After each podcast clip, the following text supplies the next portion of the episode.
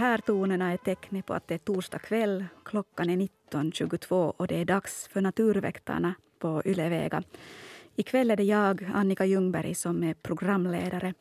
Och så har vi Jörgen Palmgren och Anders Albrecht som är här för att svara på de naturfrågor som du eller någon annan lyssnare ställer åt oss. Vår tekniker ikväll är Jonny Aspelin som ser till att du hör vad vi säger här i studion. Eh, Jörgen, du har varit på resa förstod jag. Vart ända har du kommit den här gången veckan? Jag, var, jag, var, jag har varit ända upp till Nuorgam. Mm. Det är alltså den nordligaste byn i Finland. Och övernätta vid Finlands nordligaste större sjö, Pulmankijärvi. Mm, var det mycket liv och rörelse där? Där var mycket människor. Ja. Aha, människor. Sen, senaste gången var jag där var det 95, 96 i februari. Vi såg inte en enda människa. Men nu såg vi hur mycket som helst. Men det var ju annan månad också. Att Mm. vintern är alltid tyst. På gott och ont. På det är gott härligt ja. att människor Ja, njuter det, av det, naturen. det, det, är, det är sant. Och Mm. det, det märktes. Jag besökte tre nationalparker också.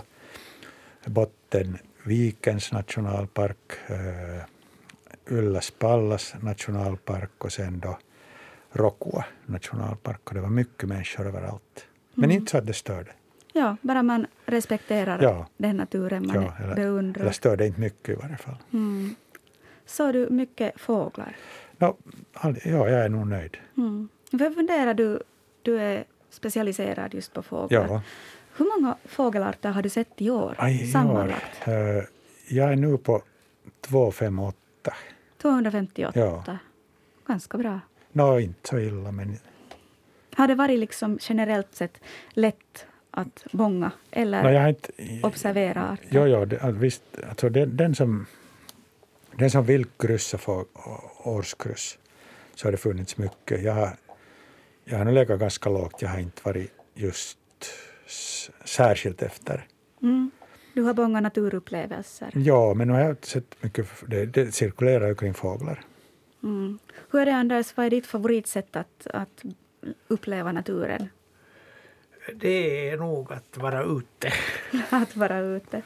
Ja, ja nu, nu kan jag uppleva den inne också men att det, Mm. det är nog ute och det är både dag och, dag och natt. Och helst skulle jag vara dygnet runt ute men man orkar ju inte. Ja, på tal om det, hur mycket arter kan du till exempel se under ett dygn om du tillbringar my- mycket tid ute på dagen och natten? Och kämpar. Och, käm, och kämpa i och nu kan jag komma upp i Över 500.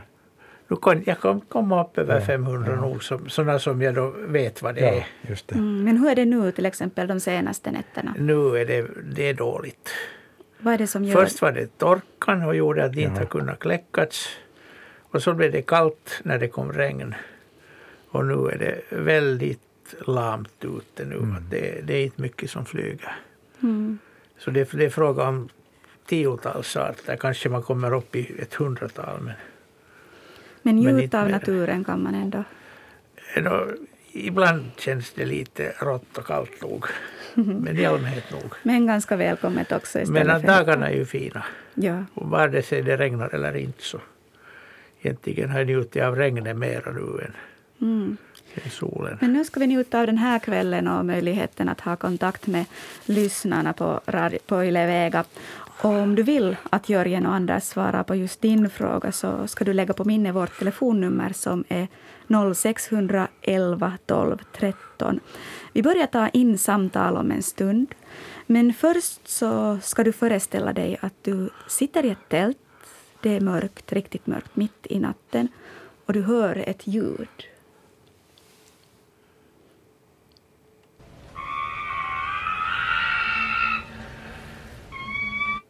Nu har du spetsar öronen för att höra om ljudet hörs igen.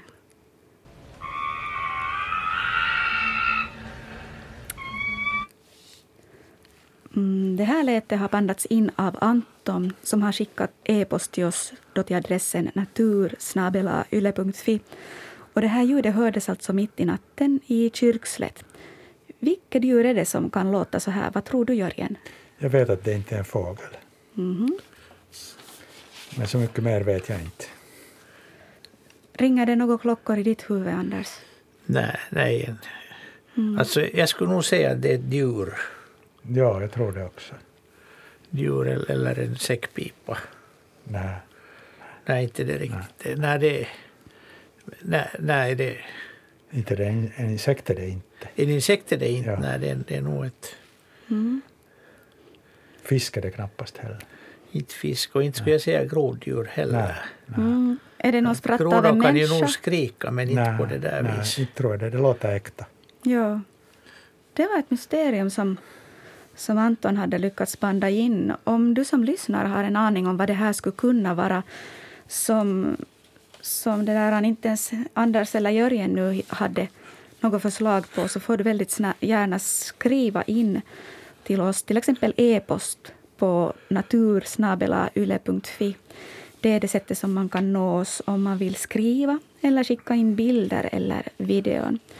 Men vi vill ju väldigt gärna också tala med dig eller eh, höra vad du har upplevt eller höra frågan och kunna svara på det du funderar på. Men innan vi går till samtal så ska vi först ta och titta på några av de frågor som har kommit in per e-post.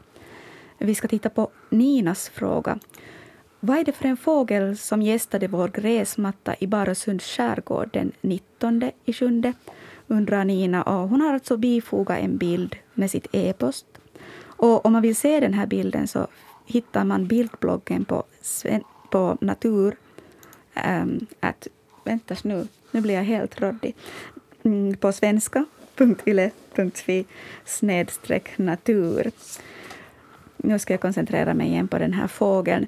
På Ninas bild så ser vi någonting som jag nog känner igen som en vadare eftersom den har långa ben och lång näbb. Men desto längre kommer jag inte själv. Jörgen, vill du hjälpa mig? Ja, den, det är sant att den har lång näbb och långa ben, men det finns en släkting som har ännu längre ben. Och man kan av det här äh, dra den slutsatsen att det är inte den, det är inte den släktingen, utan det är den, den av det här artparet som har de kortare benen. Ja, här i ena bilden som Nina skickade så går den här fågeln med näbben i marken Ja. i något slags gräs, så man ser inte fötternas längd kanske så bra.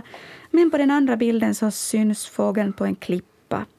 Och då ser man att benen är mm, lite längre än näbben. Hur långa ben har den här? Nå, Hur stor fågel är det fråga om? det är ungefär, skulle det vara någonting sånt här? Du visar händerna. Det är eh, ungefär 40 45. centimeter som helhet. Men ganska brunspräcklig är den och, och lite Ja. något ljusa streck vid ögonen och så Ja, här som, det stämmer. som inte hjälper mig mycket. Men ska Mm. du hjälpa mig och Nina? Vad är det här för en art? Ja, jag ska nu kolla den här längden när, när vi en gång börjar prata om det, för att det är alltid, alltid tråkigt att fara fram med osanningar. Fågelboken säger att den är eh, längd 33 till 41 Ja, då visar du Ja. riktigt rätt. och näbben är 7 till 11 cent. Den är alltså långnäbbad fågel. Mm.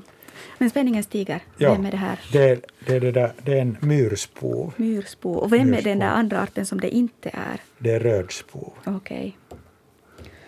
Namnen brukar vara beskrivade. Är det här nu en art som lever på en myr Den eller lever- äter den myror? Nej, den, den lever på myr, myrmarker i, i norra Finland, ganska sparsamt, men, men många myrspovar som flyttar förbi oss på våren och, sen också på hösten så häckar i, på tundran i Sibirien. Mm. Det är om en stund dags att ta lite samtal, men, men ni får gärna ha tålamod då det ringer in och vänta. För jag har en annan fråga med en väldigt liknande fågel som jag jättegärna skulle behandla här innan vi tar det första samtalet.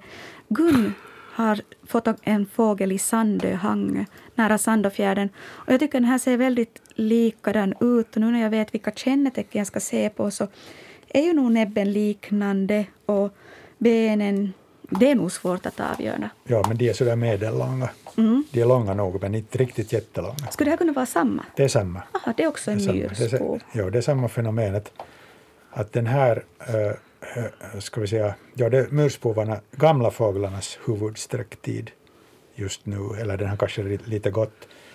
Och, och det där, nu var det, just när det här huvudsträcket var så var det ganska tufft väder. Och det där, mycket av de här landar på, på så här lite udda ställen, som gräsmattor och, och så. Det finns till exempel en myrspov som var redan fyra dagar vid, i, i havshamnen i Helsingfors. Och mera, mera av det finns det på sandstränderna på Hangö udd och också i, i Björneborg Uteri. Mm. Och säkert andra ställen också. Och då vet vi att både och är, Nina och... Ja, och de är ganska skojiga de här, de är så orädda. De är, fast det är gamla fåglar, det är båda honor, de här är bruna. Så, det där, så de, de är väldigt orädda. Man tänker, tänker kanske närmast att det ska vara unga fåglar som är väldigt orädda, men det gäller också för de här. De liksom bryr sig inte så hemskt mycket om, om störningar. Ja, jag ska inte avbryta mig dig i min iver, men vi vet nu att både Nina och Gun har fotograferat en myrspov. Och jag vet nämligen att det är en lyssnare som tålmodigt har väntat på att få ställa sin fråga. God kväll, vem är det vi har med oss på Naturväktarna? Ja, det är Berit Sundell här. Hej. Hej Berit. Hörde du det skriket där? Ja. Som kom nu först. Så det är mårdhund. Mårdhund. Vi lyssnade allra ja. först på Antons ljudinspelning. Jo, det var en mårdhund för att jag har haft den här i trädgården mitt i nätterna när det har varit äppeltider. Det är ett fasansfullt skrik. Har ni hört ett kallt skrik. Jag undrar om Jörgen och Anders har hört mårhundsskrik Jag har nog hört, men inte det här. Inte, jag har inte hört mycket. Jo. Jag har inte hört mycket heller. Och det här det var roligt att få... Det, det, roligt att få veta vad det är. Mm. Då är det bra att vi hittar en expert på mårdhundsljud ja. bland lyssnarna. Så att du Berit... Vi brukar ha dem i vår trädgård, i trädgård här på hösten i mörknet och särskilt då när äpplena faller ner och när det är några äpplen så strider de om, om de där äpplena. Och det är ett fasansfullt skrik. Jag undrar om, om Jonny så småningom skulle kunna spela upp det här ljudet som vi talade om där i början av sändningen så får vi andra höra vad det är vi talar om med Berit. Det var alltså Anton som hade skickat in den här spelningen från... Jo, det är riktigt så där det låter. Jo. När de slåss om någonting. Mm, bra. Tack Berit att du ringde in. Är det ja, någonting du ville tack. tillägga i den här frågan? Mm, nej, jag, vi är nog ganska nära naturen här och vi har följt med nu med naturen ganska mycket. Och det, det, det, det är mycket insekter och, och, och, och, och fjärilar på gång som nu har varit på den här heta sommaren. Ja, ja det stämmer det, nog. Det finns nog alltid någon att hitta man, bara man spänner ögonen upp och, och koncentrerar jo, vi har lite, vi har lite långt resa i vår, på vår omgivning och det, det, har, det var en, en, en, en hyresgäst här som, som sa att det fanns mycket fjärilar här och mycket insekter. Och, Ja. Och, och och, och gräshoppor och allt. I vår ovårdade natur här just omkring vårt hus. Det, det, det är bästa vård, ovård är bästa vården. Ja, det tycker vi här i studion. Jo, jo det, men det ser ovårdat ut men det är bra för insekter och, och, och fjärilar och, och, och, och vårtbitare och gräshoppor och allt, allt som ska leva i naturen. Ja, man, man, man vänjer sig och man, man börjar nog se skönhet i det här ovårdade också. Det är så, jo, det är så det mycket, en, mycket att se på. Jo, det var en, en hyresgäst som, som hade följt med en, en insekt. Och det var en uppa, det hade börjat knacka så där smått som det brukar göra, så det små, sådana små knackningar. Ja, de hittade och det var en fjäril som var på kommande. Ja. Så man får uppleva mycket sånt här i naturen. Ja, jo, det är spännande nog. Tack Berit för jo, att du ringde jo. in och, jo, och berättade att det var mårdhund vi hade hört om andra upplevelser. Jo, jag har hört det skriket så jag, jag vet att det låter kusligt när det är mitt i nätterna. Ja, jo, tack för mig. Tack så mycket. Vi går vidare. Vi tar en liten kavalkad av liknande frågor. De fem följande frågorna på, på vår bildblogg som man då hittar på svenska.yle.fi natur så handlar om avföring. Vi har frågor från Janina och Kristina, Carita, Kerstin och Erik. Och när jag ser på de här så, så ser jag någonting bekant som jag har lärt mig under mina år på Naturväktarna, sådana här stora lösa högor. Är det flera av de här som skulle kunna handla om samma djur som har varit framme? Nu, jag har nog en känsla av att många av de här är mårdhund.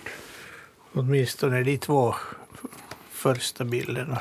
Mm -hmm. Vi har en bild alltså från Janina som skickar två bilder. Och hon skulle jättegärna vilja veta vem som hade besökt dem under natten. Det var alltså spillning på gräsmatta, men inga djurspår i närheten i ett tättbebyggt område i Jakobstad.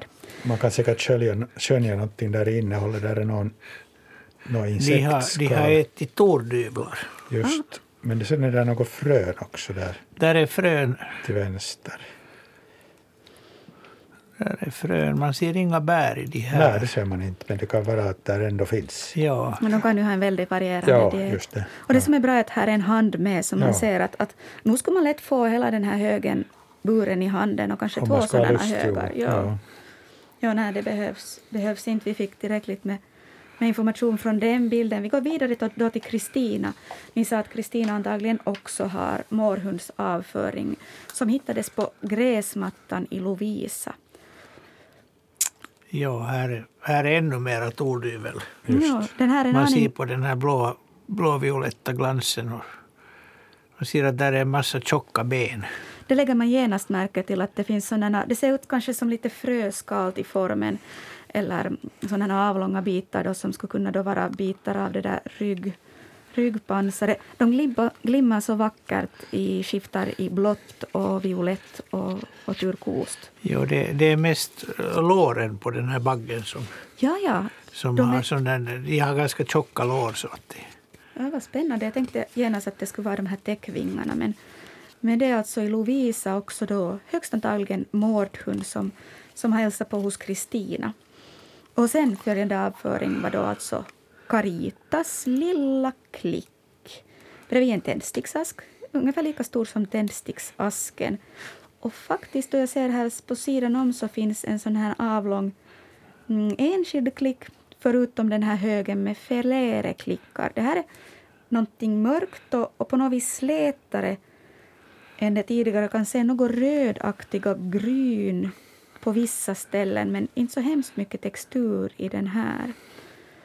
Vem är det vi ser? Alltså, okej, vi ser en lokat här på, på den där tändsticksasken, men vems avföring ser vi här? Är det tyst? Ja. Nå, det är bära tillfälligt. den är, jag, jag tycker de båda eventuellt skulle kunna ha hår i sig när de är utdragna i en Ja. spets. Men utan vidare så är den här övre högen så där, där finns det massa, där är, där är bärkärnor med Ja, ja. kanske. Och betydligt mindre än de mårdhundsavlämningar lämningar som men vi nu, såg nu tidigare. passar det i storleken ändå.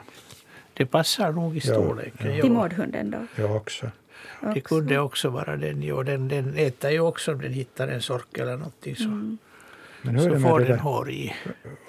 Vi har, vi har aldrig någon grävlingsavföring. Grävlingsbajs, vad beror det på? Känner vi inte igen det? Eller? Kanske det inte Eller kommer det att bajsa på sig, vår det gömmer sig bättre. gräsmatta. Jag har, jag har nog själv fotograferat grävlingsbajs. Och den, eh, den, den gräver ju lite ner det. Ja, just. Att den ligger inte så där öppen. Mm. Kan vi säga öppen och den har mycket insektdelar i sig. Ja, okej. Jag skulle inte svära på mårdhund heller med det här. Har du något alternativ som det skulle kunna vara? Eller blir det här lite öppet i Caritas fall? Och för min del skulle jag kunna tänka mig att lämna det lite Mm. öppet. Mm. Möjligen också mårdhund på Caritas bild. Vi har ännu två avföringsbilder innan vi kan gå vidare till de samtal som, som står på kö.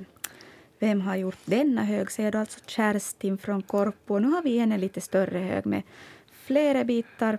Det här är över 10 centimeter lång hög. Med din linjal också med den här gången. Det är så fint att så många har kommit ihåg att sätta något mått med i bilden. Det var en stor bajshög alltså på, på mm, Kerstins bild. På berget i ut, utkatten av tomten på Korpo. Det borde inte ha sprungit hundar här, säger Kerstin. Och tittar man noga ser man att det innehåller någon skalbagge. Verkar för stor för räv. Kan det vara varg, mårdhund? Hur är det i storleken? skulle det kunna vara rävvarg eller mårdhund eller kan man utesluta någon av de här? Räv är det knappast. Den, den, är, den har ett så här stort... Kan vargen göra sån här spelning? Det kan jag inte exakt säga. Jag kan inte heller det. Mm. Det skulle kunna vara mårdhund nog. Ja, också det. Mm. Det är nog ett väldigt vanligt svar. Varför är det ja. så ofta vi får just mårdhundsbajs? det finns så hiskeligt mycket mårdhund. Ja, mm. säkert. Söker de, speciellt mycket, söker de sig speciellt mycket till gårdar? Ja, de äter gärna bär. Ja, från, de, de är ofta, ofta i skogen utan, utanför gårdar där det finns äppel och bär och, och sånt här. Så har de sin toalett där i, mm. ofta i granskog utanför tomtgränsen. Här vill jag förresten inflika nu när klockan är 19.43 så är det faktiskt en grej som jag tänkte ta upp i det här mellanrummet för naturen uppmärksammas på torsdagar också i TV-nytt. Och de visar varje vecka en naturbild som någon lyssnare eller tittare har skickat in. Och deras nyhetssändning pågår just nu och närmar sig sitt slut på kanalen Yle 5. Så du kan ta en titt på vilken bild som valts den här veckan till veckans naturbild. Och om du själv har en lyckad eller ens en skaplig naturbild eller video på något fint, ovanligt eller spännande som du råkar på i den vilda naturen så får du jättegärna skicka den till vår e-post natursnabelayle.fi. Så då kan det vara din bild som kommer att visas nästa vecka. Och det lönar sig faktiskt att modigt bara trycka på den där skicka-knappen och, och låta oss se på vilken bild du har. För det kan gott och väl vara att vi just den veckan vill lyfta upp det fenomenet du har fotografier på, trots att det kanske inte i dina ögon är den bästa bilden. Det, det är intressanta naturupplevelser som vi efterlyser att visa också i TV-nytt som veckans naturbild. Men nu återgår vi till, till avföringsfrågor innan vi tar in mera samtal. Vi har nämligen en fråga från Erik i Ingo som också har dagens femte avföringsbild inskickad hit till oss. Mörka, stora korvar eh, som är tagna då Erik var på kantarelljakt i Svartå. Finns här något lösen, eller något ledtrådar på vem, det, vem som kan ha varit framme? Här, här är nog flera besök. Ah. Ja, här är flera. Just det. Då börjar det låta ja. bekant i mina ja. öron. Det, det, det skulle kunna vara nog en mårdhundstupp. Ja, MH, just det. Ja. Mårdhund. Jag börjar också skriva MH här i mina, mina det där anteckningar. Vi har alltså tittat på fem avföringsbilder och alla verkar mycket sannolikt vara från ja, mårdhund. Det verkar lite tjatigt nu det här. Ja. Mm. ja men istället Ska för... vi hitta på något annat namn?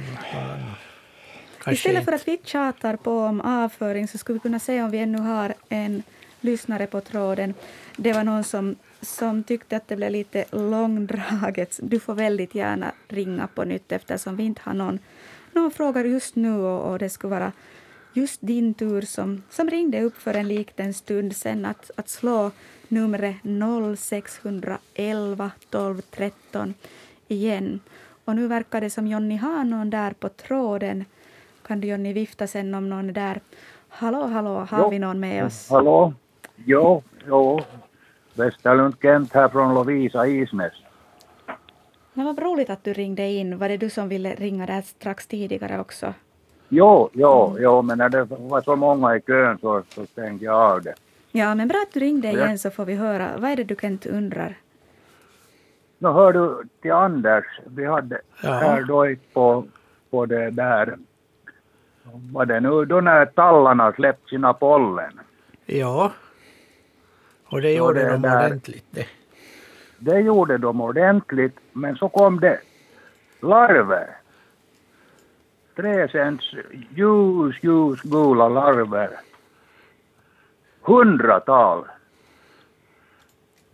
På, vår, på vårt det där bord där på terrassen. Jo, det var, det var, det is, Isnäs. Jo, jo. Och det var inte enbart på terrassen utan det var över hela tomten här. Jo. Det var på taket och... Ljus, ljusgula... Märkte du att hade, de, hade de något ben? det kunde jag inte säga för de, de, de kröp liksom framåt och drog sig en sån där båge. Drog sig en båge. Och de hade svårt igår, det var ett glasbord. Ja, ja jag, jag skulle... Alltså de, du sa att de var tre centi långa ungefär? No, ungefär tre centi. Ungefär. Det, det skulle stämma med en, en sån här... Den heter Acantolyda erytrokefala. Jag undrar vad den heter på, på svenska. Alltså det är, en, det är en bladstekel som lever i... Den, den spinner in sig längs grenarna på tallar. Aha. Och så äter den barren. Och, och, och, det är på många ställen i år, bland annat på, på ett par holmar där utanför Sondarö som är fullständigt galetna av den här. Kan du upprepa vetenskapliga namnet? Acantolyda erytrokefala. För det har inte aldrig hänt sig. Vi har varit här nu sedan 84 på det här stället och aldrig har det hänt en sån här. Ja, det, det, är ingen vanlig art alls. Om, om det ja. är den. Och den är, den är alltså larverna lever då där och sen, sen när de börjar vara mätta och nöjda så hoppar de ner. Och de övervintrar ja, ja. I, i marken sen de gräver ner sig. Och sen på, på våren så kläcks det. De förpuppar sig på våren och sen kläcks det steklar ja. som är mörkt blåvioletta med rött huvud. De är otroligt vackra. Aha. Så att, och det måste ha varit otroligt för det är säkert tusentals som, som har fallit ner här men, men inte, inte såg man ju alla. Nej, det var nej, ju bara på ett litet bord. Det, det är helt normalt. Jag, jag, var på, jag var på en holme där utanför och man tog, man tog en, en sån där gren och skakade av den i en hov så kunde man ha 30 larver. Då på en sån här 30 centimeter lång kvist. Ja, så jag har försökt dem men de är så högt upp, de är så stora tallar här så man måste klättra upp då till Jo, det är lättare i skärgården. Jo, säkert. Men, att, jo. men att det, ja. det måste ha varit hundratals tusen där på den där lilla holmen. Jo, jo riktigt säkert. För se det så här då, man har plockat här på, på vårt stuptak sedan så man hör hur de knappt knapprar i sig sina larver. Ja. Det var inte riktigt lätt att hitta, hitta en uh, svenskt namn på det här med att hitta skogsinsekternas uppträdande i Sverige under tiden 1741 till 1940 1985 från Statens skogsforskningsinstitut, alltså i Sverige. Och där står det att den skulle kunna heta, jag hade det just här, um, blå tallspinnarstekel. Det stämmer ja. säkert bra. Ja. Bra, alltså den är, den är helt mörkt violett. Allt utom huvud som är rött. Ving, vingar, ben, kropp, allt är, allt är så här metalliskt violetta och den är ganska stor. Så att jag, tror nog, jag tror nog ni kommer att stifta bekantskap med den sen no, på våren. Vad är stor i den här stekelvärlden? No, stor, den är, den är en och en halv centimeter ungefär. Det, är, det är mycket. Ja, ja vi ska få med i vår, vår sedan. Ja, du kan, du kan titta på nätet på det här. Ja, namnet, precis. Acantolyda erytrokefala. För att den tycks inte ha något svenskt namn. Annat än, vad sa du, blå? Blå tallspinnar, stekel. Men jag vet inte hur officiell och, fastslagen den är. Mm. Nej, ja. Är det, Kent, ännu någonting du vill tillägga till den här frågan? Eller jo, är du nöjd med svaret? Nej, inte till den här frågan, men jag har nog en tilläggsfråga här. Jag, vi hade ett koltrastpar här som har, som har det där... De har två gånger i samma bo lagt ägg. Men ja. jag hörde här tidigare att, inga, att de inga gör det. No, jag, jag hade den uppfattningen, men jag har nog varit tvungen att revidera. Det är så många som har rapporterat den här samma, samma sak. Jaha, jag, jag har inte själv sett, någonsin sett, men det, där, det, det finns väl inget skäl att betvivla det. Det är så många nej, som nej, det, Och det var den. säkert samma par, för Ja. de, de betedde sig precis likadant. De var nog ganska skygga, men de var här bakom bastun under taket riktigt. Ja. Ja, just Så det. det där, de hade ganska bra boplats. Ja, det är säkert det. Om, om häckningen lyckas bra, de känner sig trygga, så kan man, Jo. tänka sig att de, Jo. kan man väl tänka sig att de då Precis, använder samma bo. Jo. Jo. Nå jo, men jag får tacka för det här. Vi tackar också dig Kent. Jo, tack och hej. Det är fint att vi har aktiva, aktiva lyssnare. Vi fick svar på vårt mystiska läte här tidigare i sändningen och av Berit. Och nu kunde Kent berätta mer om, om att koltrasterna kan bygga bo, kan lägga ägg i samma bo flera gånger. Har vi än en lyssnare på tråden? Jag tittar frågande på Jonny som nickar. Hej, vem är det vi har med oss i Naturväktarna? Det är Anita Rosengren nu igen som kommer med exakt samma grej som för några veckor sedan. Hoppas att ni inte blir störda av mig. No, Eh, knappast. Det handlar om, om stenknäckarna nu igen. För ne- nu räcker det ju inte med att jag har haft en stenknäck här, nu har jag haft tre. Och eftersom eh, jag senaste gången jag ringde fick veta att de räknar med ungefär 100 häckningar i Finland så börjar jag ju misstänka att om här nu är tre stycken så kan det ju vara en häckning här också. Det, det, det har, alltså först och främst var det en som var en, såg ut som bilden i boken, alltså en hane. Eh, sen kom det en som var mera diskret i färgen eh, och som då tydligen passade på en hona. Men de där såg jag vid olika tillfällen, men jag hade då sett dem båda. Men mitt i allt en kväll, så när jag tittade ut genom mitt fönster på matningen, så satt där tre stycken på en gång, alldeles intill varandra. Och mm, det var den här hanen och sen två sådana mera diskret färgade. Mm. Och eh, nu börjar det ju verka familj det här på något sätt. Möjligen, möjligen. Ja, det, här, det ja, var i ja, ja, alltså- Österbotten det här. Visst. Det är i Skaftung, jo, Just det är i det, ja. Jo, och den, det- nu vet jag ju egentligen ingenting om stenknäckar för jag är totalt novis på dem. Men den här hanen, den dansar för den där honan. Mhm. Eh, Det är ju fel årstid att ha något spel och sånt. Men den stod och trampade, en på höger fot, en på vänster fot och vände hela kroppen eh, åt de där sidorna. Och mitt i allt samman fladdrade den till med vingarna och den stod bara stilla från höger fot till vänster fot och vände hela kroppen och så fladdrade den med vingarna. Och mitt i allt sträckte den sig mot den här honan som satt på bara 10 centimeters håll och såg ut som om den bjöd mat åt den. Och det här var ju ett beteende som jag ju kopplar till något slags parningsspel, men det är ju fel årstid. Nå, Men äh, äh, vet, vet ni där någonting om hur korsnäbbar beter sig?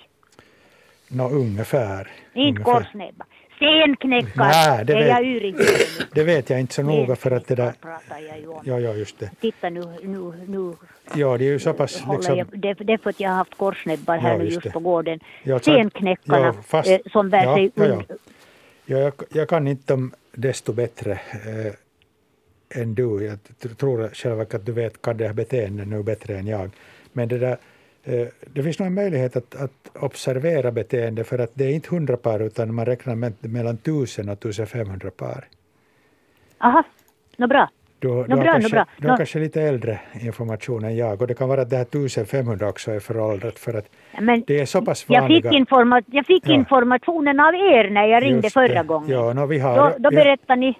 Vi har också olika källor, det, det varierar lite att det där, Mm. varifrån man jo, plock, men det var nog- plockar upp det. Ja, Jo, jo, nej men det var nu du som sa det här åt mig. Inte visste jag ju något. Jag, inte, visste, inte visste jag något. Så det var nog, det, en- det är nog dina uppgifter jag lever. Aj, en nolla hit eller dit. Jag känner mig som en nolla nu. Bra Aha, att vi men fick nu det- möjlighet att, att specifiera det här, Anita. Jo men, det, jo men det är jättebra. För jag tycker ju bara jag att jag har då eh, aldrig i livet sett stenknäckar på det här Mm. sättet. Eh, som, eh, som, eh, de är inte här hela tiden men de kommer regelbundet hit och äter. Ja, det är ju det är så många andra finkar så, så de söker ju föda på ett, ett stort område. Häckningsreviret är Jo. litet men sen födosöksområdet kan vara väldigt stort. De kan flyga kilometervis. Beroende Ja, ja. lite på ja, vad som finns till förfogande. sen, sen midsommar ungefär har jag sett dem regelbundet. Nej, det är ingenting annat. Jag ska inte tjata mer om dem och jag ska inte ringa mer om stenknäckar. Men jag är själv ganska, ganska tagen av dem. För min sann har jag nu inte sett stenknäck i det här landet mer än en gång förut. Ja, ja, ja, jag förstår, det är nog bra. Nej, tack Anita, det var en jättefin beskrivning av stenknäckens dans som du kunde, kunde berätta. Du får nog gärna ringa på nytt om du har observationer av dina stenknäckar. Okej, god fortsättning. Jag ska låta er vara i fred nu. Ha det så bra och, och tack ska ni ha. Tack så mycket Anita. Tack. Nu har vi ännu två minuter tid innan det är dags för en liten paus med nyheter. Och vi ska kunna ta nästa bild i bildbloggen här innan det blir nyhetsdags. Och nu har vi en fin taggig eller luden eller rufsig boll på en rosenkvist. Och det är Merete som har fotograferat och skickat in den här bilden på natursnabelayle.fi som då är vår e-postadress. Hittade dessa vackra konstverk på en rosenkvist, skriver Merete. Det såg lite ut som det fanns något svartrandigt inne i dessa nystan. Um, jag ser inget svartrandigt på bilden. Det är som en sån här taggig eller rufsig boll som är mest ljusröd nyans inuti och så blir de här håren eller, eller taggarna gulaktiga mot sin spets och de sitter fast på stammen av en ros. Vad är det här, Anders? Ja, det här, det här är en, en rolig grej. Jag var, jag var gästspelande i näst sista ordet igår. Jag hade tänkt ta upp det här men det blev inte tid för det. Så hälsningar till Jens och Jenny bara att, att det här är ett sånt här konstigt namn. Det är nämligen en grej som kallas sömntorn. Och det är, en, det är rosen som induceras av en stekel, sömntornstekel. Att växa ut alla hår på bladet på en, på en viss punkt eller på en knopp växer ut i sådana här långa greniga utskott. Mm. Tack för det svaret, Anders. Vi måste nu ge ordet i nyheterna. Vi fortsätter sen. Vi fortsätter efter det här med Naturväktarna med Anders Albrecht, Jörgen Palmgren och mig, Annika.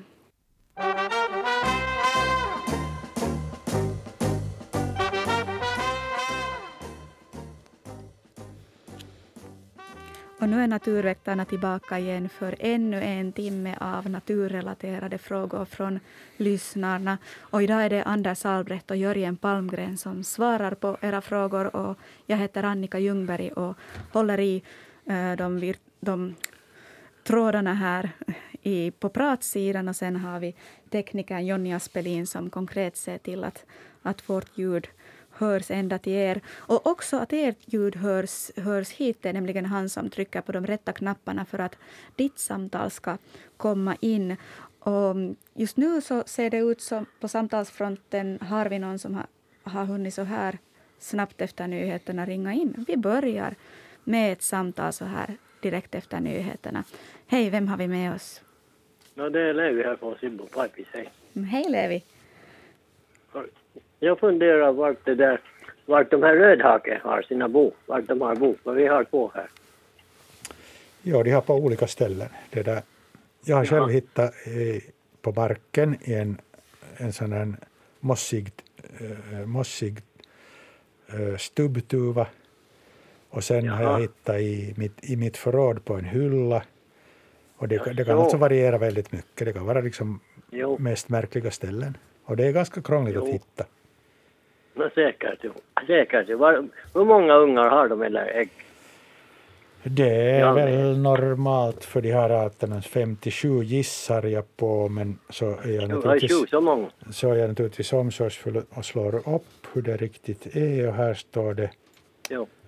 ägg 2 till 8. Normalt, ja, medeltal är 6. Ja. När är det rödhankens unga kläcks? Hur stora är de nu? Är de ja. färdiga no, de, de har an, an, andra kullen. Den första flög ut redan i juni. Jo, just så, just så. Hur är det med den där hackspetten? Den har inte bott två gånger samma, samma ställe. Du menar större hackspett? Jo, just det, större. Nej, den har bara ett, en, en häckning per säsong. Jo, ja. just så. För den, den hade då i fjol här ett, ett träd, ja. hade sån där gammal, ja. eller sån där gammal gammalt träd, där var ett sådant hål och det där hade unga, ungar ja. och ägg. Ja. Bo. Men det var inte... I år har det inte. Ja, det, det är på ett annat ställe i år. Jo, säkert, säkert. Jo. Och det är ju så att alla, alla hålbyggare naturligtvis tackar större hackspetten för att den är så flitig och göra så, nya, nya bohål. Ja, säkert, säkert. Jo, jo. Just det. Och så har vi nu blommor så att vi har sådana där humlor, otroligt mycket humlor när vi har så mycket blommor. Sådana där blommor. Att vi har inte klippt gräsmatta heller något onödigt mycket. Bara jag tror att två gånger högst det här då. Det är och så har jag inte klippt där som varit, där som varit blommor, där har jag inte klippt alls i. Det är just, just rätt gjort det. Ja, vi talade ja, tidigare om... Ja. Vi talade tidigare om hur ja, vi gillar ovårdade ja. gräsmattor. Det är bra. Ja, just det. Just det.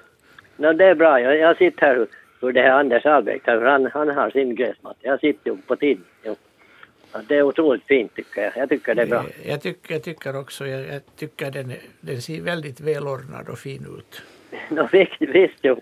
Faktiskt, och jag har nästan lika jo. nästan, ja, men in, inte riktigt. Jo, just det. Jo. Men några getingar finns det inte i år. Inte, vi har inte getingar. Ja, väldigt, väldigt lite, ja. Jo, och in, inte har vi just myggor heller. Inte. inte. Nej, de, de torkar bort. Men säkert, jo. Det var lika bra tror jag. Tycker jag också. Eller Jo. Det fanns ju ändå på våren. Humlor istället. Jo. Det fanns jo. på våren nog åt fågelungarna. Jo, just det, just det. Det var ju bra det ju. Det fanns ju. Faktiskt jo. No, men det var ju bra för den här gången. Vi säger ta det så bra. Jo, tack bara. Tack. Tack, hej. Tack, tack. Tack Levi så mycket för ditt samtal. Vi tar och tittar lite på det e-post som har kommit in här. En följetong som har följt med oss hela den här sändningen är, är mårdhunds, eller ursäkta, ropet som vi hörde där i början av sändningen. Vi tar det ännu en gång till.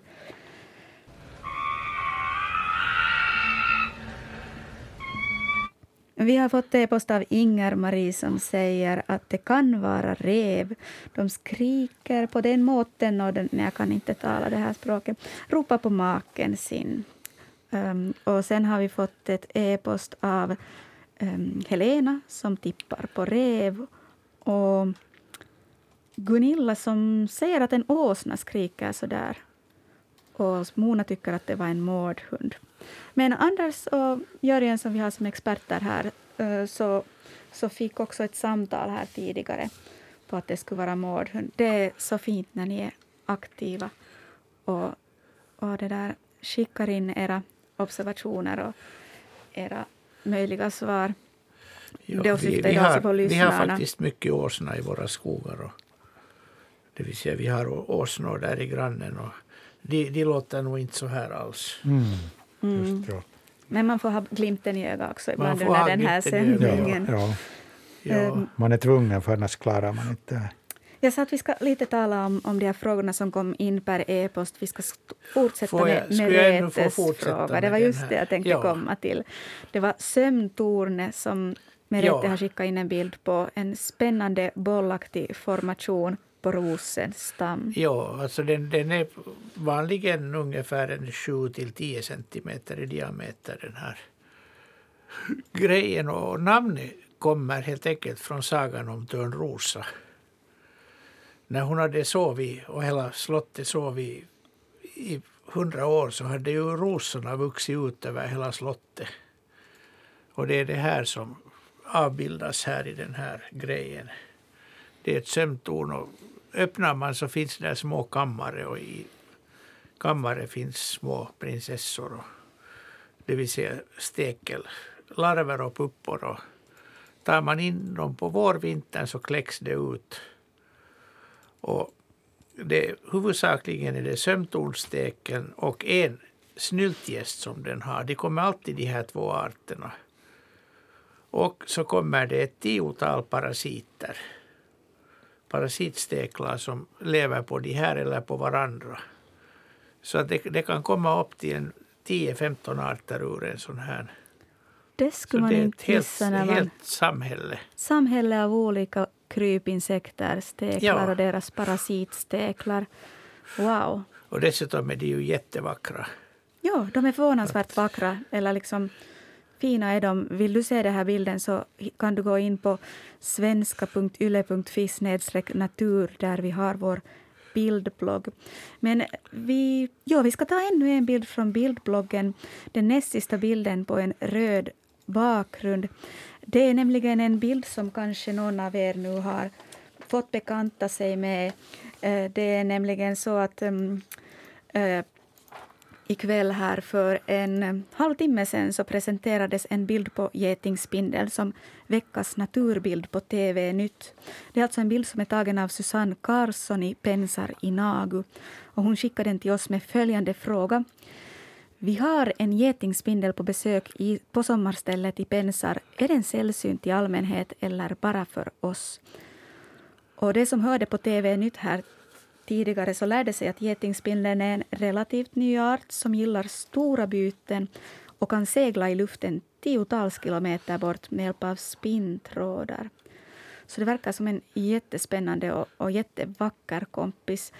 Mm, den är, det är alltså en spindel Anders, du får snart berätta hur stor den är, men jag kan berätta att den är randig i, med, med svarta streck på vitt, men dessutom är några av de svarta strecken som ramar för ett gult streck. Vit, svart, vit, svart, gul, svart, vit, svart, vit, svart, gul, svart. Och benen är också randiga, som nästan vitsvart randiga eller gråsvart randiga. En präktig kompis som vi någon gång tidigare har fått e-post in om, men inte väldigt mycket. Vad vill du berätta, Anders, om den här? Jo, den, den, den är nog sällsynt. För att den är, den är så pass stor, den är drygt centimeter lång, att upp till en och en halv centimeter blir en hona. Och, och bygger, bo, bygger nät som är väldigt synliga. Att skulle den vara vanlig så skulle man få rapporter ideligen av den. Så den är, den är nog sällsynt. Den första hittades väl 2005 ungefär. Och har hittats regelbundet sedan dess i Finland. Och före det så ansåg man att det var närmast en syd och mellaneuropeisk art. Och det här med flygförmågan, så alla spindlar flyger på det här viset som små. De, om det är lite blåsigt väder så kliver de upp på någon högt uppsatt punkt och spinner ut en lång tråd ut i luften. Ända tills tråden är så lång att den kan lyfta dem och då släpper de taget och och flyger iväg. Och det är inte bara tiotals kilometer, det är hundratals och till och med tusentals kilometer de kan flyga. Har du själv sett den här? Jag har inte sett den här spindeln, men jag har nog sett hundratals, tusentals spindlar flyga. Ja. Och speciellt om man går på våren ut i, i soligt väder och tittar så ser man sådana här blänk på himlen. Man ser ingenting annat än att det blänkar till här och där. Och det är de här trådarna som reflekterar solen, liksom bara som en snabb blixt. Och eh, går man och tittar på folks bilar sen så kan de vara alldeles fulla med spindelnät. För att de, de landar sen var de råkar landa. Tack. Fint att höra om, om flygande spindel. Det var alltså Eh, Susannes bild som hade tagits upp som veckans naturbild på TV Nytt som Anders då berättade lite mer om. Och du kan skicka in en naturbild på, på natursnabelayle.fi och skriva att det är en naturbild till TV Nytt eller någonting motsvarande så får vi se vems bild som presenteras nästa vecka i TV-nyheterna. Vi hade någon som ringde in som har orkat vänta på tråden. Vad fint. Vem har vi med oss? Oh, hej, det är Kenneth här. Hej Kenneth. Vad funderar du på? Eh, jag har två frågor egentligen. Låt komma. Eh, när eh, vad heter det, eh, får huggormarna sina ungar? Ja, ska vi ta den först nu? Jörgen tittar på Anders. Ja, jag tänkte ta dem i tur och ordning. Så. Anders på Jörgen. Den, det är väl för, för hösten ungefär. Den här tiden redan borde det finnas. Augusti, augusti, september. Ja. Jag, vet, jag vet inte, det med september är det? Ja. Okej. Okay. Men de hinner inte äta något så värst mycket? De hinner inte så värst mycket. De går mm. ganska snabbt i, i det, eller ja. vad nu ormar går i. Vinter? I vinter vinter, vinterförvar. Ja, vinterförvar, just det. Har du Kenneth någon observation om, om de här ormarna eller, eller vad är det du funderar på dessutom? Nej, jag tänkte för när jag har, jag, jag är nämligen blind och jag har ledarhund och jag brukar ha den löst mellan varven så det var där, därför jag funderade på det. Mm. För det vet jag, har jag förstått att eh, eh, huggormsungar är giftigare än de där större huggormarna. Så. Men det har jag också hört. Vad beror det på? No, det är egentligen på det sättet att, att de är nog lika giftiga men de här unga huggormarna kan inte ransonera på giftet. Ja, det låter logiskt. Ja, de, de sprutar ut de sprutar allt de har. Allt, ja, just det. Och därför, därför får man sen då, den som blir, blir biten får i sig mera gift än en, en, en, en sån här förståndig äldre huggorm som, som bara använder en liten del av giftet. Ville du ännu fortsätta, Kenneth? Ja. Nej, det, det, det, var bra med det svaret i alla fall. Så. Bra att du fick svar på dina frågor. Nej, det var för Sten. Ja, det, ja, nej, det, menar... det, det, var den första frågan, det så att säga. Den andra frågan är egentligen, eh, vi pratade om att det inte fanns så mycket i bilen, men nu när jag var på Åland så i en sommarstuga så var det fullt med getingar på, på framsidan och baksidan i, i, vad heter det, i en sommarstuga vid dörrarna, båda dörrarna så att säga, där man gick in och ut. Ja. Äh, hur kan man till exempel bli av med dem därifrån om man vill, skulle vilja få bort lite mindre fast de är stackigt någon nu när, när man vifta omkring något desto mera. Så. Ja, de, de är nog snälla. Det, det är så att vi, vi brukar inte ge råd om hur man blir av med djur. Ja. Inte fast, fast vi, vi, nog, vi nog godtar att man ibland kan få bli av med getingar men vi hjälper inte till med den saken. Ja, ja. Så det är bara att låt dem vara då så att säga. Jag, jag skulle föreslå det om, om det om det är möjligt att, att leva i fred med dem. Och vi har, vi har haft flera så. gånger nog i, alldeles ovanför och vid, vid dörrkarmarna och under verandagolvet. Och vi har bara varit försiktiga och, och, och då har vi klarat oss bra. Ja, ja, så. Okej, okay, det var min andra fråga, men tack så ni ha. Tack så mycket Kenneth för att du ringde in. Ja, tack. Ja, tack, hej. Det, mm, det är intressant just att prata om de här djuren som i princip kan skada oss men, men det är svårt att veta och, och upp, eller försöka um, förstå hur, hur riskabla de på riktigt är. Det stod jag och tänkte på faktiskt idag morse när jag plockade krusbär till morgongröten. För det var jättemånga som surrade runt mig då och jag fick till slut eh, tillräckligt länge syn på en av de flygande krypande. Det var just getingar och jag undrar vad vill de ha ur krusbärsbusken? Där finns inte något, någonting för dem. Tills jag såg att de hade ett bo där i, i sten, stenmuren där strax intill. Men det här, hur ska jag till exempel bära mig åt om jag vill plocka av de här krusbären strax intill ett getingbo? Är det bäst att låta bli eller bylta på med gå, gå kläder. när det är svalt, svalt och vått väder. Och så är du själv försiktig och, och inte ruskar om busken och, och så där. Men då, då är de ganska lugna. Går du i hett soligt väder så då kommer de nog på. Mm. Och det har ju varit eh, ganska lite getingar i år, eller mycket lite. Men vi hade faktiskt under den här värmeperioden, vi hade mycket buskgetingar på gården. Och det är ju en, det är vår näst största geting och den, den bygger bon i buskar. Och den är jobbig när man plockar bär för att man kan inte ta ett bär ur busken utan att störa det här boet. Ja, de verkar lite irriterade. Jag måste riktigt titta att, att varför är det nu så mycket runt mig. Men, men, det men om, om det var bo i en mur så var det inte den arten. Ja, den ja, det var fritt i busken. Ja, det var strax ovanför muren som jag hade krusbärsbusken. Ja. Men jag ska nog försöka få, få lite mer av de här underbara krusbären i, i min gröt och vara försiktig och komma överens med getingarna.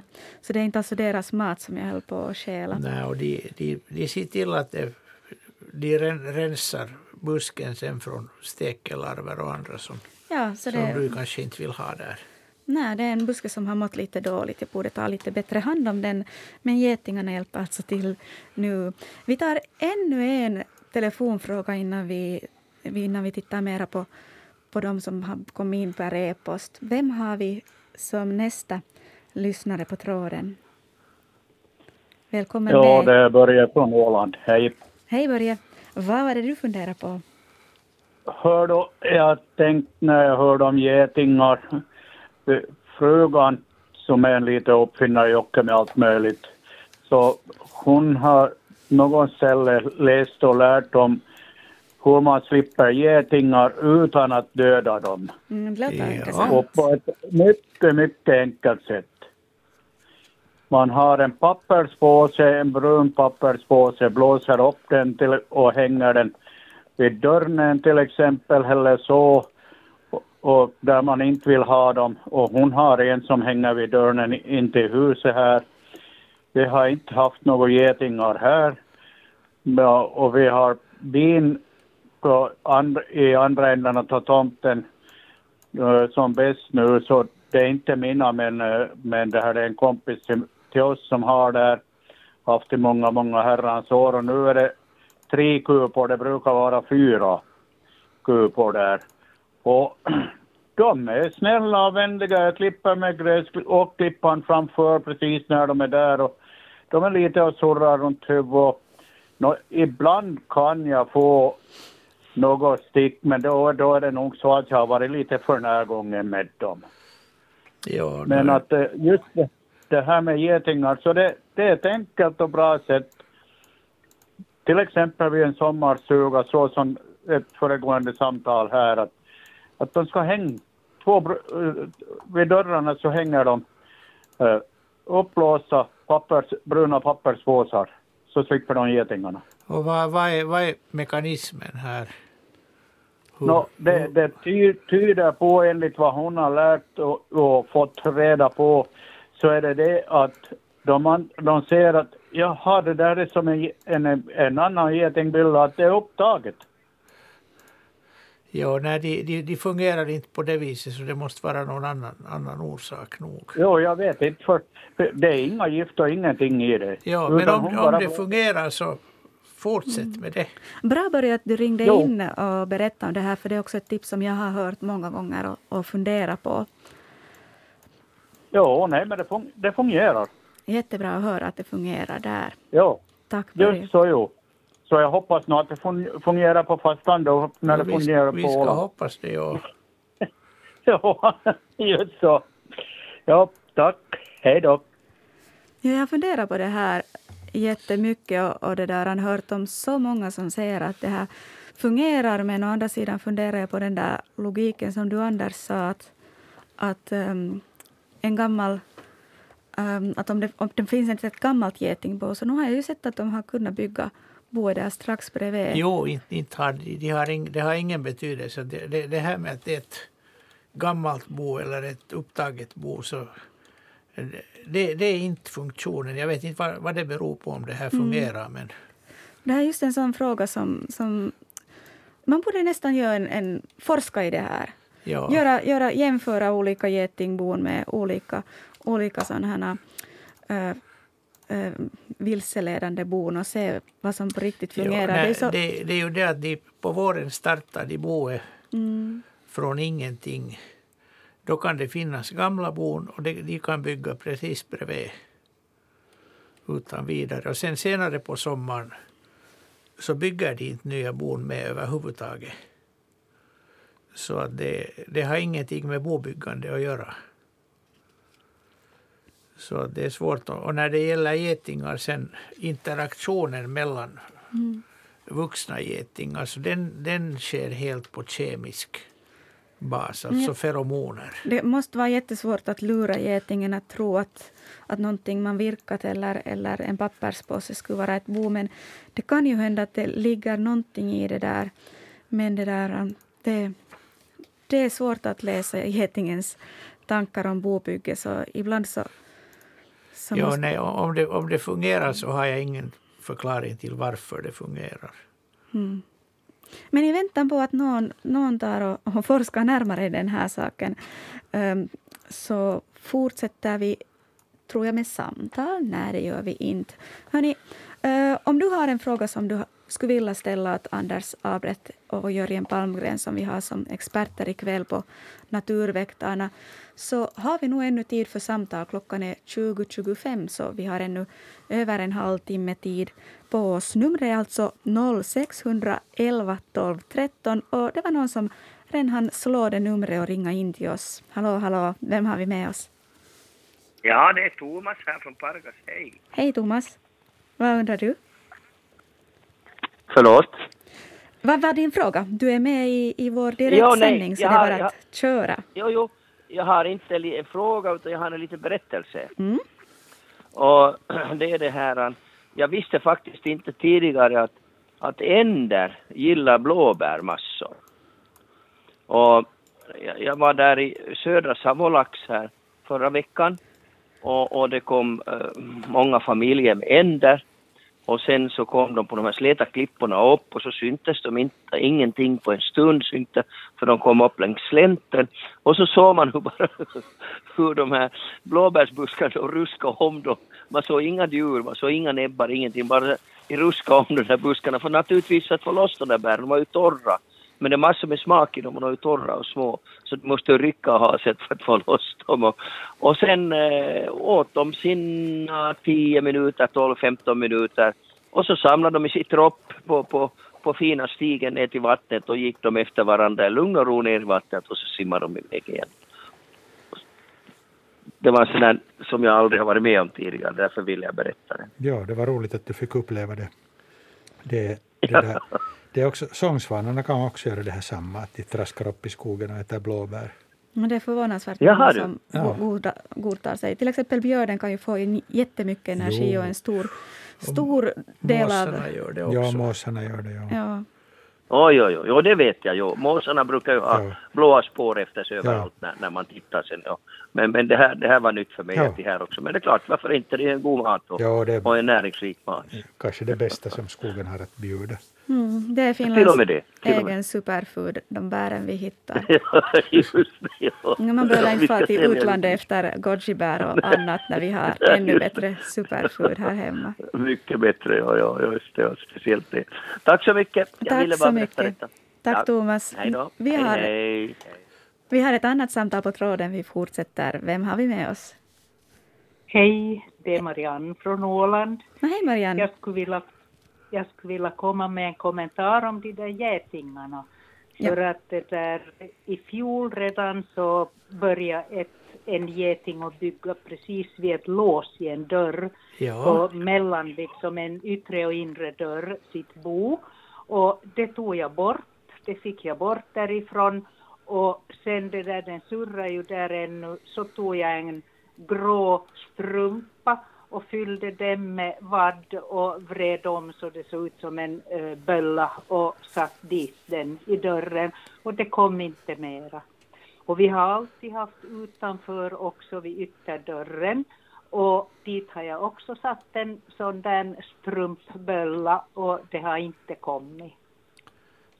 Och sonen har lagat på Eh, landet i Ekenäs skärgård då har han lag, eller hans fru Sicka egentligen virka sådana hemskt nätta böllor och brodera en geting på. Och de har inte heller i Lidre någonstans några getingar. Ja, som, som, som sagt, ja. Jag tänkte bara som en jag, kommentar. Jag sa att, att om, om, om det fungerar så kan jag inte säga varför det fungerar. Nej. Nej, för det har, det har inte att göra med att de tror att det är ett gammalt bo, för det har de ingen. De kan bygga bredvid gamla bon hur som jo, helst. Jo, jo. Så att det, det vet no. jag inte. Om det fungerar så vet jag inte vad det beror på.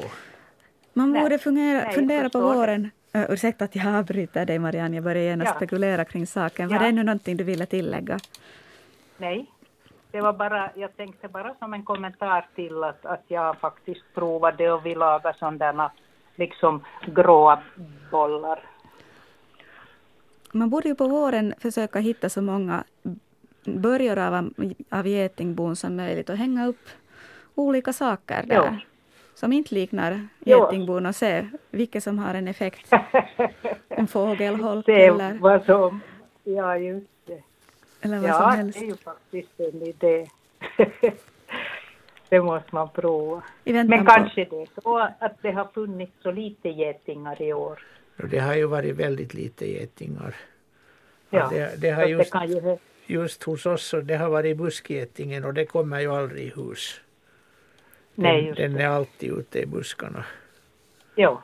ja. Och vanlig, vanlig geting så har jag inte sett mer än, ja bra om jag har sett 15 stycken getingar i år. Jaså. No, men det måste nog hänga ihop med det då, att det liksom i år har fungerat. Ja, jag, jag skulle tro att det hänger ihop med det, men alltså det är en, det är en förklaring. Mm. Jo, I alla fall. Jo. Det finns överhuvudtaget ganska lite insekter, mm. tyvärr. Jag tycker det finns mycket nog, men då ska man ha blommor. Jaha. Och så jo, där. Det, har, det har varit rekord, rekord för, för humlor, getingar och dagfjärilar nu i år. Jaha. Det har varit otroliga jo. mängder. De där stora dagfjärilarna så har, tycker jag, till stor del försvunnit härifrån oss på Åland och var vi bor. Att det finns pärlemorfjärilar och, och förut hade vi mycket både påfågelögon och amiraler och, och, de här sorgmante, den här, ja sorgmanten. Ja, men att jag har sett eh, kanske två stycken sådana här påfågelögon och ingen amiral här. Ekenäs såg jag, men inte här.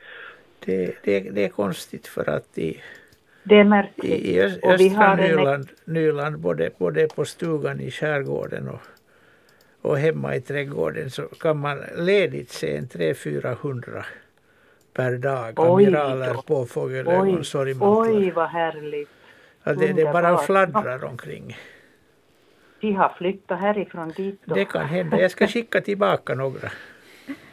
Ja, gärna. Jag gör det, ja. Era vackra fjärilar till Åland. Jo, jo, och vi har helt eh, ekologiskt och, och jag lagar nog varje år sådana här liksom biblommor som jag sår. Ja. Och sen har vi kryddor som vi brukar älska. Har du Marianne märkt att någon speciell blomma har fungerat jättebra för dig för att locka till sig fjärilar? Alltså de som ju fungerar bäst tycker jag är den här uh, kungsmyntan, alltså den här vilda oregano. Jo, den, den är helt, den är helt i, i särklass. Mm, jag ska stå på shoppinglistan. Jo, mycket av den. Och, och, mycket frön av den. Sen det där gurkörten brukar också vara ganska bra. Den, jag. den är bra, ja. ja. Sen kan du försöka med, med en, en blandning av av öl och socker eller vin och, vin och socker. Vart ska jag sätta det? Du kan, du kan sätta i... Jag har sådana här lå, låga plastaskar som jag sätter ja. mull i och sen häller jag den här vätskan över. Jaha, över och de kan, de, de kan här, här sist på stugan så hade jag haft den en timme ute så, så satt där elva sorgmantlar på den. Mera rymdes Oj det inte. Nej, just det. Och då syntes alltså, det inte en fjäril före det. Så Nej, försök mull med det. Och sen, mull och honung och ättika. Öl och socker, det går det också. Det, det, ska ha, det, jo, det ska helst jäsa och det ska ha alkohol. Att, okay. att om du blandar öl och socker så får det inte vara alkoholfri öl. Det är av, Nej, av någon det. anledning, det duger inte. Nej, just det. Men vin, Jaha, vin, vin går bra och det ska vara mycket socker i. Att, att jag skulle säga två, två burkar öl på ett halvt kilo socker ungefär en lämplig blandning. Okej, okej. Och så är det djupt kärl. Då, no, den, den är ungefär vad den är, fyra centimeter hög. Och Just så. En sån här som man, man köper kött och an, annan, mm. andra varor, sallader och sånt. Tillräckligt bred så att det ryms minst tio sorgmantlar på den. Jo. Låter jättefint. Det måste jag också prova på. Jo, det, det lönar sig för att det, mm. det, det gör att antalet fjärilar ökar på tomten från dag till dag. Ja, vad härligt. Mm. Vin och socker då bara. Vin och socker eller öl och socker. Eller, eller sen det som jag använder mycket så det, det är sån här äppelavkok från saftning. Ja, det, det är socker och jäst. Ja, just så. Och mycket jäst så det jäser ordentligt så det kommer bra. Mm. Alltså i det där öl och socker så ska man nog sätta jäst. Då det behövs inte det för att det, okay. öl, öl är ju färdigjäst. Jo, jo. Någonting som är sött och jäser och innehåller alkohol. Ja. Det ska vi lägga på minne allihopa. Tack Marianne för din ja. fråga och dina tips och ditt samtal. Tack själv. Okay. Hej då. Vi tar in ännu ett samtal då vi har någon på tråden. Välkommen med till Naturväktarna. Vad vill du fråga? Ja, hejsan, Håkan Fors från Jakobstad här. Var det Håkan du sa? Uh, Håkan, ja. Ja, välkommen med. Uh, tack, tack.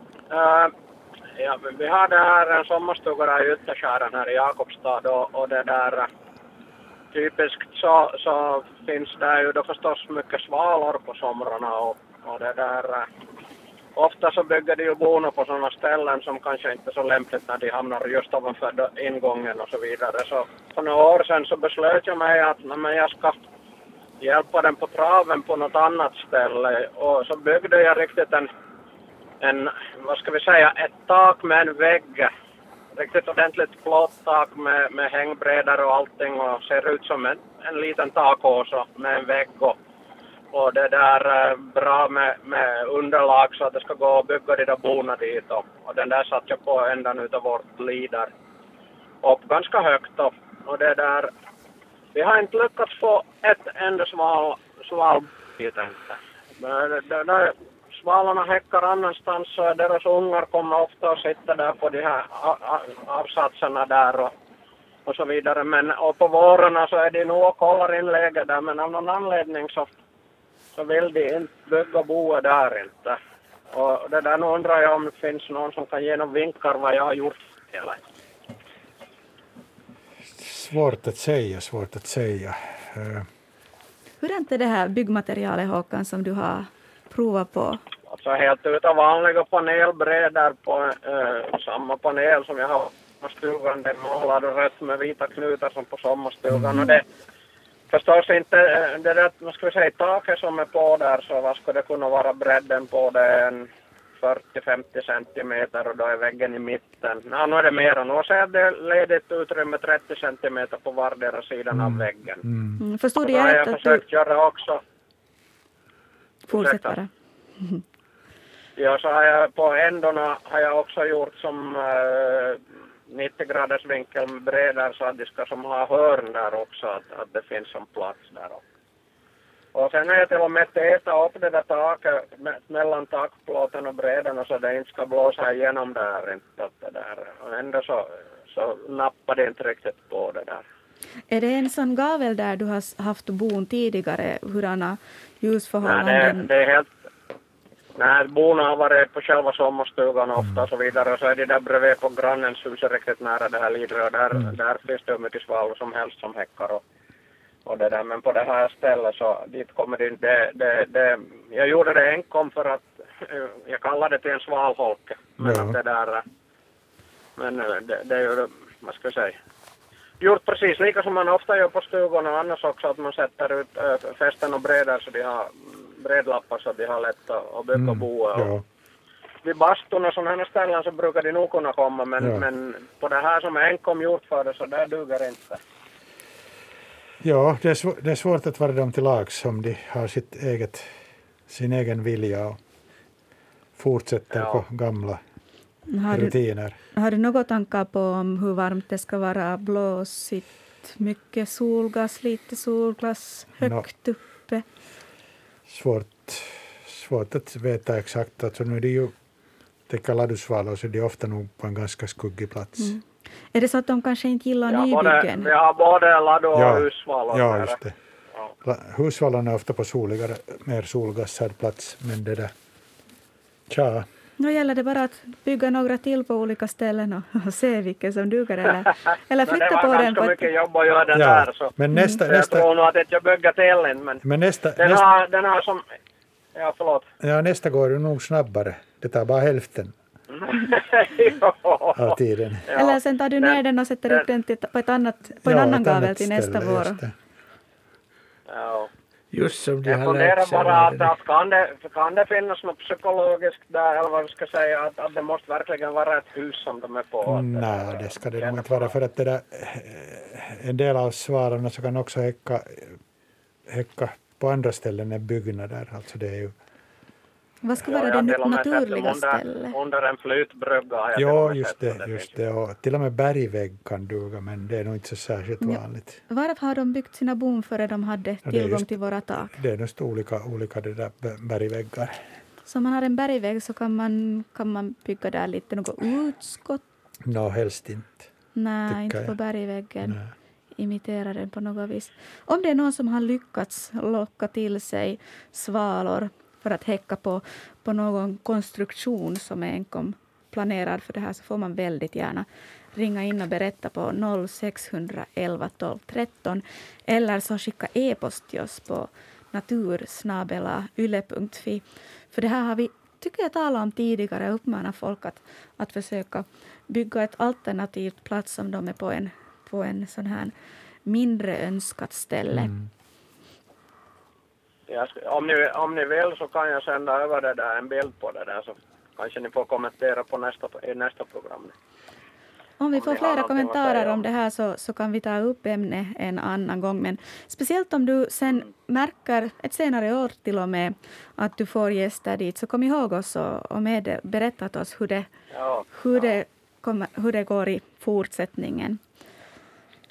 Stör de, månne varandra om det är alldeles för nära för det, det är inte långt till de där um, grannens svalor. Det är kanske mm. bara en fyra, fem meter mellan. Alltså husvalbon så kan ju vara liksom med 30 centimeters mellanrum på en, ja. på en vägg. Men ladusvalorna kanske är lite glesare. Precis. Precis.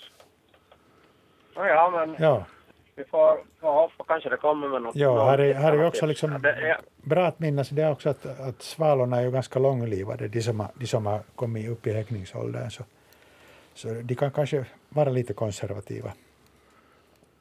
Precis. Hoppas nu att de hittar till ditt, till ditt bygge senare år, att det inte blir, blir förgäves. Ville du Håkan ännu ja, tillägga ja. någonting? Nej, det, var, det har varit uppe i tre, fyra år det där och inte mm. under den tiden hade det Okej, okay, då. Ja, ja. Jag tänkte om det skulle vara ett nybygge, men det förklarar inte heller saken. Okej. Okay. Mm. Alla fall, tack för Tack för ditt samtal Håkan. Det var jätteintressant att, att ta upp det här ämnet i diskussion. Hoppas vi får in mera, mera samtal eller e-post om, om svalbon som man försöker bygga på konstgjord väg och locka till sig svalor att häcka. Det hade Håkan i Jakobstad tyvärr inte lyckats med. Nu är klockan snart kvart före nio, 20.43. Då fortsätter vi här på Ylevega med Naturväktarna och övergår till de frågor som vi har fått in på förhand, det vill säga per e-post.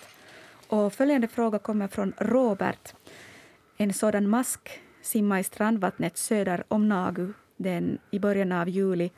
På morgonen klockan åtta har Robert tagit en bild på blåstång som antagligen hade ett nytt namn på svenska som rekommenderas. Kommer jag bara att tänka på här, samtidigt som jag öppnar den här bilden. Blåstång i grumligt vatten och en ljuskort mask i en ganska otydlig bild så jag ser inte speciellt kännetecken men med tanke på hur stora blåstångar jag har stött på så kan det vara en 10 centimeter eller mycket längre om, om perspektivet lite lurar oss. Nej, längre är den inte. Nej, en liten ljus. Den är nog de här, de här flytblåsorna på blåstången är ungefär 5-6 millimeter. Mm, den här är lika tjock ungefär som de här blåsorna men, men lång och ljus. Men tyvärr så ser ja. vi inte mycket mer. Ah. Vi ser inte mycket men det, det som nu skulle stämma så det är den här Binnikemasken som har spiggen som mellanvärd. Och alltså den, den, den fyller hela spiggen som då mår illa och går upp till strandvattnet där måsar och vadare hittar den och måsarna och vadarna fungerar då som huvudvärd. Är det då, för den. Handlar det om just de där spiggarna som på något vis ser jätteuppblåsta och, och illamående ut som man kan se i no, Det kan vara också dräktiga honor. Ja. Lider medan, de också medan de, de, de, vanligen så, så simmar de nära ytan och de lägger gärna buken i, lite i vädret och simmar på sidan mm. I strandvatten. Och det, det, är ju maskens avsikt att spiggen ska bli uppäten. Mm. Om det nu inte är en binnikemast på Roberts bild så kommer du på något andra alternativ det ska kunna handla om?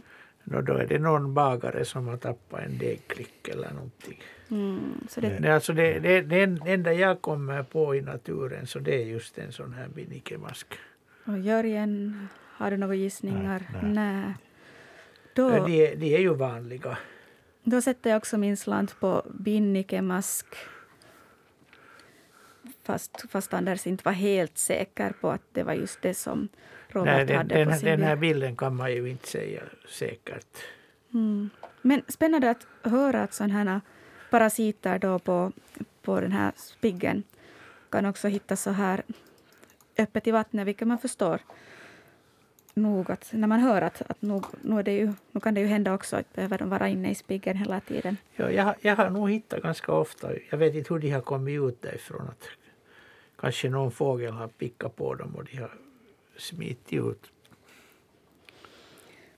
Då fortsätter vi. Vi har i varje fall ännu ett samtal som vi hinner med idag.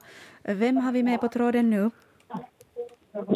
Ja, nu har ni Bo Nyström som sitter och njuter i Sommaresund i Korsholms skärgård.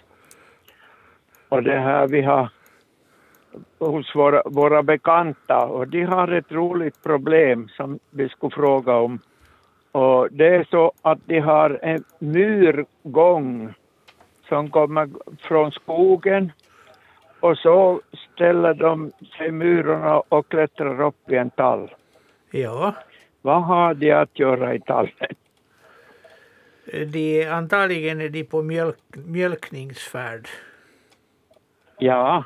De har, de har bladlus, sådana kinaraarter, stora, stora bladlöss som, som lever i barrträd. Det var inte kossor i tallarna i Korsholm. Men vad, vad menar du med att mjölka? De här, de här bladlössen suger ju från silrören ur, ur tallen. Och de får enorma mängder av vatten och socker och väldigt lite protein. Och de vill ha protein. Så att resten skjuter de ut genom bakkroppen.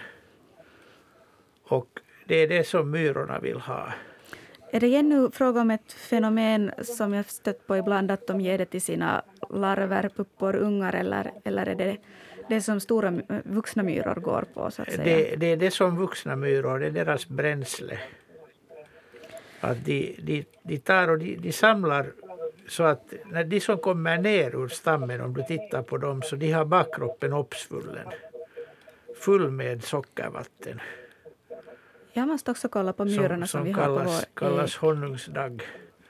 Och den för de till stacken där de då matar, liksom mun, mun mot mun-metoden, matar de sina, sina syskon som finns där inne i stacken.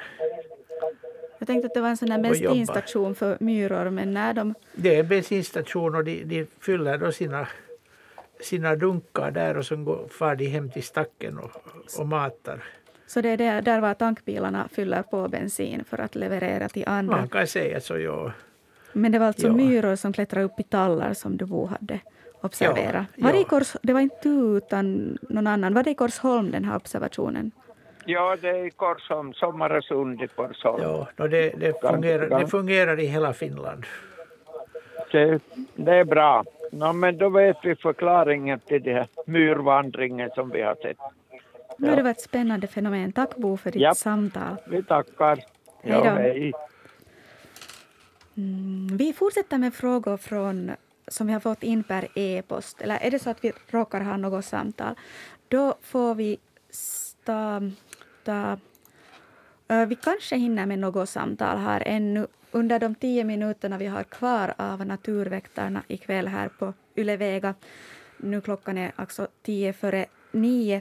Men i väntan på att någon knappar in numret 0611 12 13 så tittar vi på vad vi har fått in för bilder per e-post. Och då har vi Mattias e-post på tur. I förrgår satt den här cirka 6 cm långa gräshoppan på fönsterkarmen i övre våningen cirka 5 meter upp. Vad är det här månne för en krabat? Alltså i Västanfjärd, Kimitoön, där Mattias har fotograferat. En, jag har nu lärt mig att det kan vara en gräshoppa eller en, en vårtbitare beroende på något kännetecken jag aldrig kommer ihåg. Men den här är grön. Vad var det vi skulle titta på för att veta Vi kan närmare? titta, den har långa antenner tyder på. Ja, det har Det är den. vårtbitare. Och den här har en lång, ett långt äggläggningsrör också ser vi. Ja, ja, där nere, Och alltså där det, bak. och det har vårtbitarna. Gräshopporna har inte. Man ser att den har den här avsmalnande stjärten lite formad som en, Ja. en fjäder på en fågel. Och under den så är det en sån här tagg som är förvånansvärt kraftig. Den, den är kraftig och det här, den heter grön vårtbitare. Finns i Åland, skärgårdshavet och längs, längs kusten till, till Sibbo i öster och ännu i, i skärgården ända till Lovisa. Mm. Passande namn, grön vårtbitare. Ja. Är den vanlig? Finns det andra vanliga gröna Den, vårtbitare? den är vanlig, vanlig i sydväst, ska vi säga från Kyrkslätt västerut är den vanlig. Och på vissa större, större och mindre holmar ännu österut. Ja, Mattias hade fotograferat den här på Kimitoön. Ja, det, det är riktigt kärnområde. Den är, den är mycket vanlig där. Och den, den sjunger både på dagen och, och natten. En mycket karaktäristisk och mycket högljudd sång. Mm. Den brukar börja på eftermiddagen och sen kan den hålla på. Om det är varmnatt så kan den hålla på ända till morgontimmarna. Ja, ganska stor var den här vårtbitaren som Mattias hade fotograferat, 6 centimeter. Jag kan- Den, den är imponerande. Mm. Och en vårtbitare visste vi att det var tack vare att den har långa tänder. Då det är det inte en gräshoppa. Vi tar ännu snabbt en annan fråga som Mattias ställde. Vad är den här blårosa larven på bilden, cirka 6 till 8 centimeter lång, som vi har som nästa bild på bildbloggen?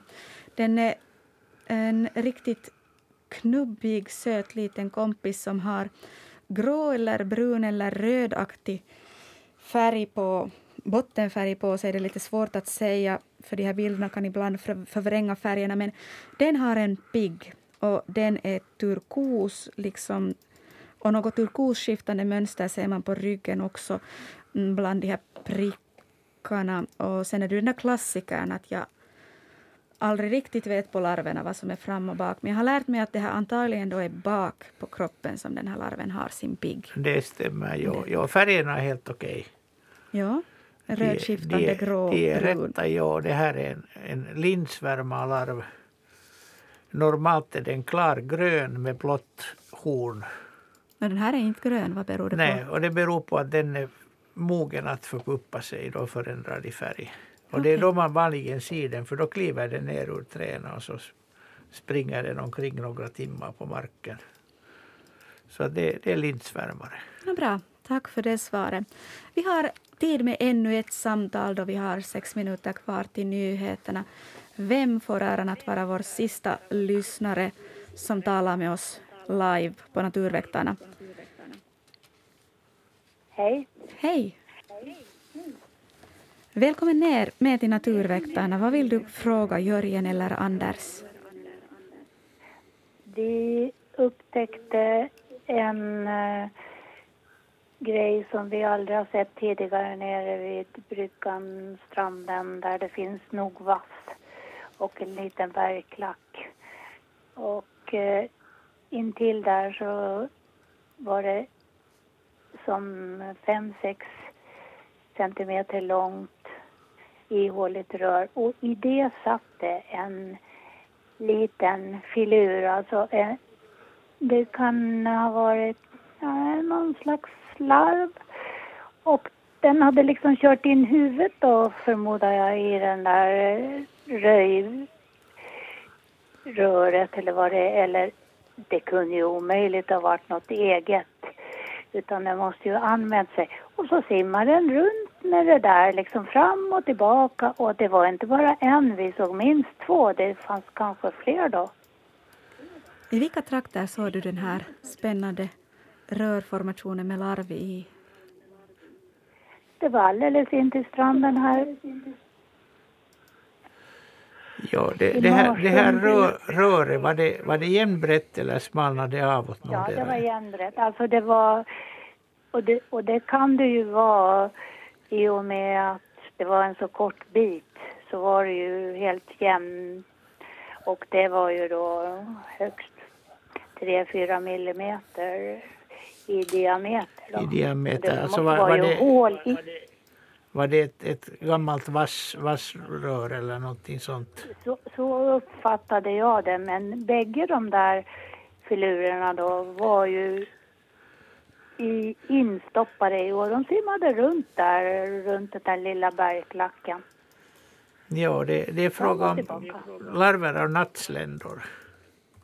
Det måste det ju ha varit. Och det där. Och en, en, del av, en del av dem använder gamla rör som de hittar, till exempel vassrör. Och det här är tydligen sådana som du hittar. Men de flesta nattsländor spinner röret själv. Av, av bladbitar eller kvistar eller någonting. Och, och de, de är ofta så att de smalnar av bakåt. Att den, den börjar som liten och bygger ett smalt rör och sen ju större den blir desto mer kryper den fram och spinner ett större. Så det blir liksom bred, bredare mot, mot den nya ändan. Men att det, här, det här var då sådana som, var, som, som hade använt ett, ett befintligt rör. Ja, det var det vi tänkte att det måste... Vi har ju det, vi har ju mycket sånt intill stranden och vi röjer ju vassen och det blir ju bitar och ja. det måste ju ha varit något sånt som de hade tagit tillvara för att använda då. Men det, vi hade ju då aldrig sett det där tidigare och vi har ju sett de här sländlarverna i vattnet många gånger men ja. inte i någon sån där konstellation. Ja, ja när de, det, det är säkert när ni har röjt vassen som de har drivits ut och kommit fram. De brukar hålla till inne i vassen. Mm. Men det var ju lite kul för de var ju nästan exakt lika långa de där bitarna. Ja. Och de där filurerna var ju, ja, larverna nu då, de var ju också i samma storlek ungefär och de kunde krypa lite in och lite ut och sen ja. simma. Med hjälp av det där då så rörde de sig fram och tillbaka. De är, de är, de är mycket, mycket rörliga och fina. Och stora om de var 56 centimeter långa. De är stora, ja. Ja, en del av de som spinner eget bo är ännu betydligt större än det här. Men att de är roliga djur. Mm. Tack så mycket för ditt samtal och din fråga. Vi närmar oss nyheter om Ja, om en minut här i Naturväktarna så det börjar vara dags för oss att avsluta. Men vi hinner ännu med en fråga. Vi har på bildbloggen en söt liten fågel och då undrar Kristina, vad är detta för en fågels unge? Vill du, Jörgen, först beskriva vad det här är för, hur den här ser ut? Ja, den är sådär undersidan ljust gråbrun, ovansidan mörkare brungrå. Ser man några speciella kännetecken? Ja, man ser två vita vingband. Och man ser en fröätarnäbb och, och så mycket, mer kanske man inte behöver se mm. det än bofink. Bofink. Bofinkhona, men det är inte en ung fågel utan det är en gammal fågel. Okej, okay, en vuxen bofinkhona, det var svaret på sista frågan för Naturväktarna ikväll. Vi tackar för ditt sällskap och hörs på nytt om en vecka i Naturväktarna.